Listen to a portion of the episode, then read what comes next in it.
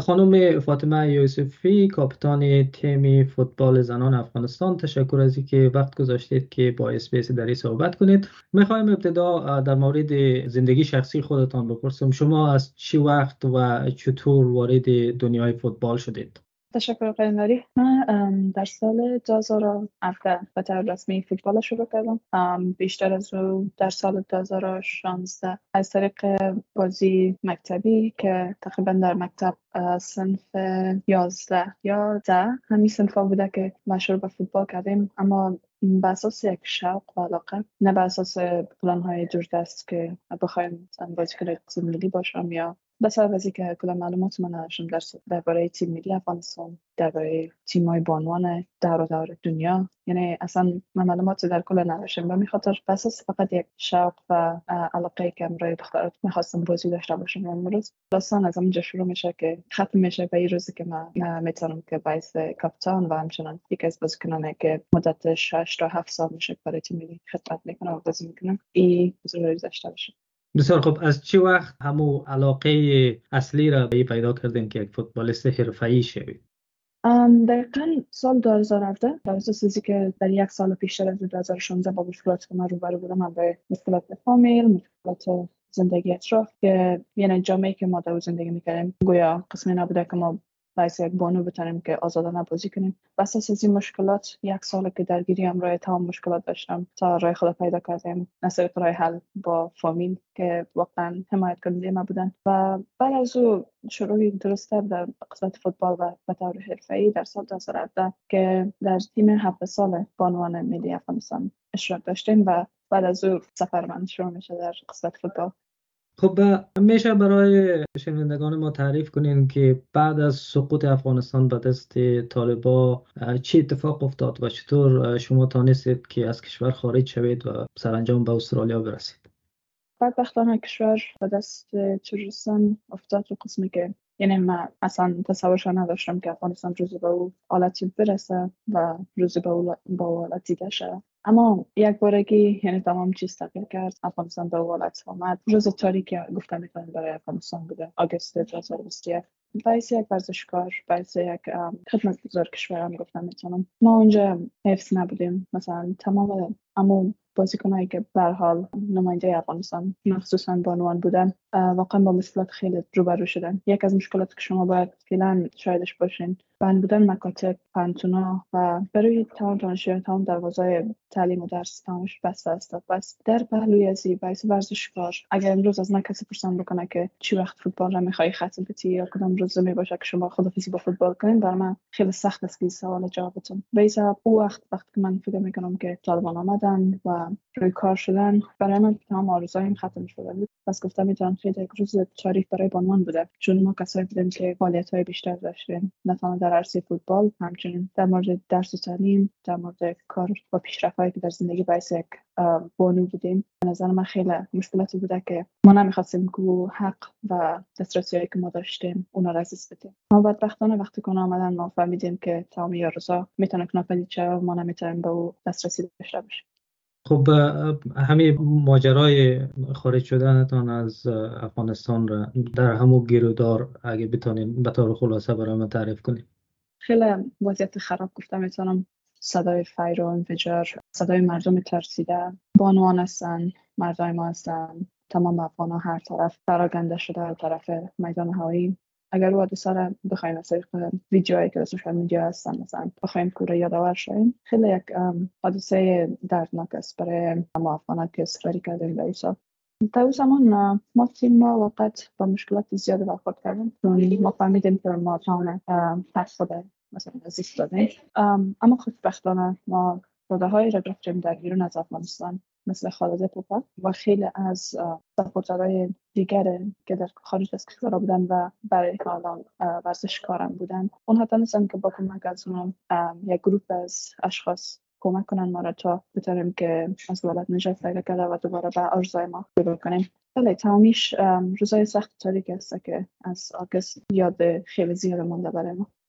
خب حالا بیایید در مورد فعالیت های تیم شما در اینجا صحبت کنیم. چند مدت میشه که دوباره تیم را شما سر پا کردید و چه برنامه های برای آینده دارید خوشبختانه ما سال که آمدیم به استرالیا. می‌خواستیم که اینجا بازی کنیم نمی‌خواستیم دوباره فامیل دومی خود از دست بتیم اما خوشبختانه ما تانستیم که دوباره بازی کنیم. و آخر کار ما به این که ما در تیم های جداگانه بازی کنیم و تونستیم که در یک تیم با هم دیگه باشیم که از طریق کریگ فاستر اونا به همچنین از دفعه تیم ملی استرالیا و ملبورن ویکتری یکی از club های برتر در استرالیا. تونستم که یک چتر برای تیم ما باشن و ما فعلا در زیر چتر اونا به حیث یک تیم داریم فعالیت می‌کنیم بازی می‌کنیم. ما در state four state league four چهارم state چهارم اینجا در ملبورن تونستیم که شروع بازی کنیم. و تیم و بعد از هم تونستیم که promotion و state دیگر که فعلا امسال بازی می‌کنیم. state 3 فعلا ما در حال فعالیت هستیم و ادامه بازی می‌کنیم. شما اساسا یک تیمی در تبعیض هستید. گروهی که فعلا افغانستان را اداره می‌کنه موقف مشخصی در قبال زنان و همچنین ورزش زنان دارند اما چه احساسی دارید از اینکه فیفا به عنوان هیئت حاکمه فوتبال شما را به رسمیت نشناخته یا نمی‌شناسه؟ اخیرا در این قسمت رئیست ما متاسف هستم بخاطر که اگر در صورت دیگر ببینیم فیفا خانه بازیکنان است. فیفا باید است که سپورتر خیلی بالایی از بازیکنان بکنه و مخصوصا فوتبال. اما در این باره که من می‌بینم قسمت تیم ما که فعلا تقریبا دو سال میشه. رو دو سال است که ما بدون شناسایی توسط فیفا ما نمی‌تونیم که بازی های ملی داشته باشیم. ما نمی‌تونیم که در بازی های ملی اشتراک بکنیم یا از کشور ما نمایندگی بکنیم. فقط تنها راهی که ما داریم فعلا بازی club است که در ما ادامه میتیم اما در عین حال خیلی غرورآور است که در عین حال اینجا ما در استرالیا فرایده World Cup زنا هستیم و واقعا باعث افتخار است که ببینیم تمامی بازیکنهای خیلی professional از دور دور جهان جای نشن و در یک زمین بازی می‌کنن. اما تیم ما در این حال خیلی افسوس هم می‌خوریم چون از دور ما تماشا می‌کنیم بازی ها رو و نمی‌تونیم که از کشور خود نمایندگی داشته باشیم. خیلی دردآور است برای یک بازیکن و با امید ازی هستیم که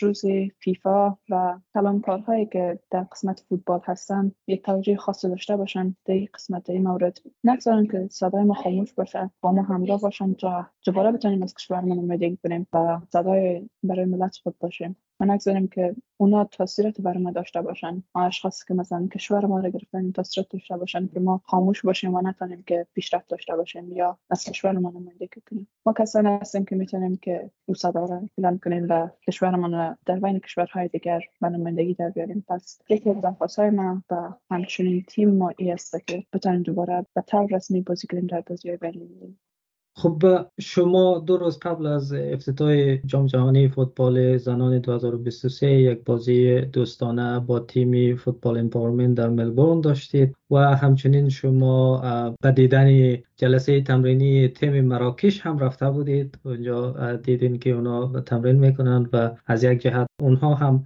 در این جام جهانی تاریخ ساز شدن به خاطر که یک زن یک بازیکن زن برای اولین بار با حجاب در جام جهانی فوتبال بازی می‌کنه چه احساس داشتید از اینکه در این رویدادها قبل از اینکه جام جهانی برگزار شود شرکت داشتید؟ در اساس بازی فقط وقتی که رفتیم همراه تیم انوایرمنت هم بازی کردیم و در پهلویزی متاسفانه خودم نتونستم که به تمرین بازی از تیم مراکش رفته باشم اما بسیاری از تیم ما مثلا بازیکنهای ما رفتن و قابلیت زیر داشتن که را تماشا کنن و حمایتشون بکنن. واقعا من خودم افتخار می‌کنم که بانوان می‌تونن که در مرزهای خیلی بالا اشتراک کنن و می‌تونن که نمایندگی از کشورشان بکنن. واقعا خیلی یک خبر بزرگ است برای جامعه ورزشی مراکش که بانوان آنها تونستن که کوالیفاید بازی های باشن و نمایندگی از کشورشان بکنن.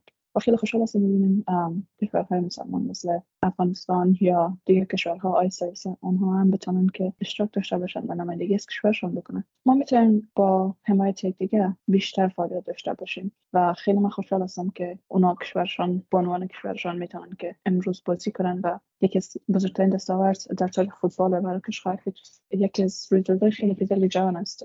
ورلد یکی از آرزوهای خودم هم هست که روز افغانستان هم بیرق شده بین های دیگه کشورها انشالله ما شاید باشیم که ببینیم. خب از یک جنبه دیگر اگر ببینیم تیم مراکش به عنوان نماینده در واقع نماینده جهان اسلام در جام جهانی امسال حضور یافته. و بعد اون طرف در افغانستان طالب ها هم ادعا دارند که ما بنا به اسلام بنا به عقیده اسلامی نمی‌گذاریم که خانم ها یا زن ها و دختران ورزش کنند و در فعالیت های ورزشی شرکت داشته باشند این به نظر شما در مورد ایدئولوژی طالبان و باور طالبانی چی میگه؟ بیاین بپرسیم در مورد درس و تعلیم اینا چی میگن پس اگر سپورت یا فوتبال ورزش در کل مشکل است به اسلام. پس بیاین صحبت کنیم برای درس تعلیم. چرا درس تعلیم؟ مثلا من شخصا هیچ ندیدیم که درس تعلیم صرف اسلام بند باشه برای زمانان مخصوصا برای بانوان.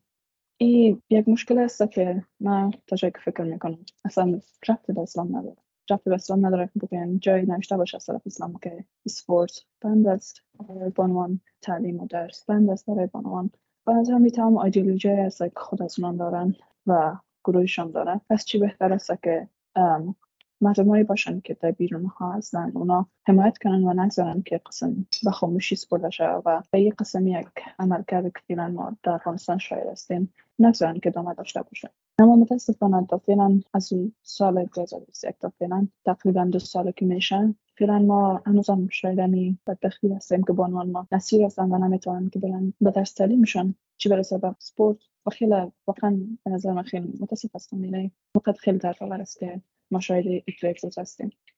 شما در کنار از که فوتبال می‌کنین چی کارهای دیگه و چی فعالیت های دیگه می‌کنین چی مصرفت های دیگه دارین در استرالیا فعلا؟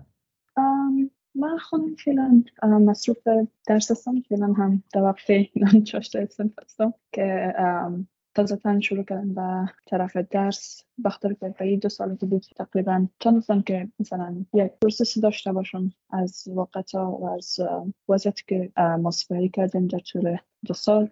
و تازه تونستم که بتونم پس به زندگی عادیم رو برم و شروع به درس سالیم بکنم و بهتر خود را آماده بسازم برای آینده بهتر افغانستان. چون ما کسایی هستیم که safe هستیم کسایی هستیم که در حفظ هستیم و می‌تونیم و او security را ما داریم که بریم به طرف درس بریم به طرف هدف های که ما داریم. هدفهایی که در افغانستان نمی‌تونستم کنار عملی و او ادامه بتون متاسفانه اما انشالله که اینجا به او هدفهایم خاتمه بتونم و بتونم که روز بر کشورم خدمت بکنم. چون ما او فرصت ها را دارم. می‌خوایم که خواهرم می‌خوایم که مادرهایم می‌خوایم خواهرهایم که در افغانستان هستند هم از این فرصت ها قابلیت داشته باشن که استفاده کنن. پس وقت یعنی فعلا خیلی مسئولیت است. خیلی برنامه هایی هستن که اشتراک می‌کنیم. تمرینات ما هنوزم ادامه داره در کنار تمرینات بازی که ما داریم همچنین. تمامش فشرده است. یک خیلی گفته می‌تونم یک تقسیم خود خیلی پرکار داریم در پالیزی حمایت از فامیل هم هست چون ما فامیل های خود را نداریم همراه خود ما و خیلی فعالیت های دیگر همچنین گفتم می‌تونم از سخنرانی های هست که کوشش می‌کنیم که صداهای خود را بلندتر بسازیم صداهای خواهرای خود دور دور دنیا بلندتر بسازیم.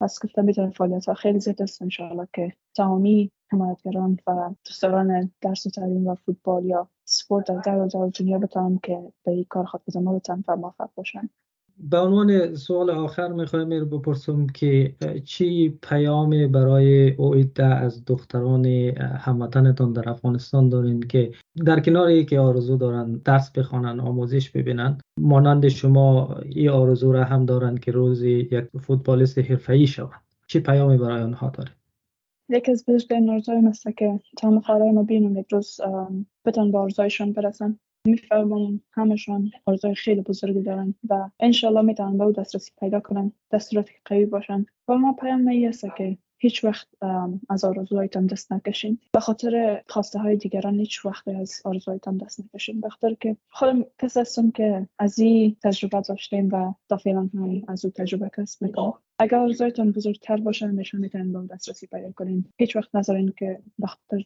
خواسته های دیگر گروه و دیگر کسا شما از آرزوهایتان باز کنین. به نظر پوششتان را بکنین و انشالله که به دست میابین من اینجا هستم. خیلی آدم ها و خیلی شخصیت های سرشناس دیگر هستن که مدگر ای آرزوهای شما هستن. پس هیچ وقت دست نکشین از آرزوهایتان و بزرگ بیندشین و انشالله که موفق میشین. میفهم که روزای سخت رو میگذارنیم میفهم که خیلی دردآور است. اما باز هم کوشش کنیم محکم باشیم ما باید دیگر می‌تونیم که کشور را بسازیم. نه فقط برای خراب ساختن یکدیگر و یا تنهایی. هیچ وقت ما تنهایی نمی‌تونیم که یک تغییر بزرگ را ایجاد کنیم. پس یک جای می‌تونیم که یک تغییر را وارد کنیم و می‌تونیم که محکم ترم باشیم پیش بسیار خوب. خانم فاطمه یوسفی کاپیتان تیم ملی زنان افغانستان بار دیگر تشکر و برایتان آرزوی موفقیت دارم. تشکر رئیس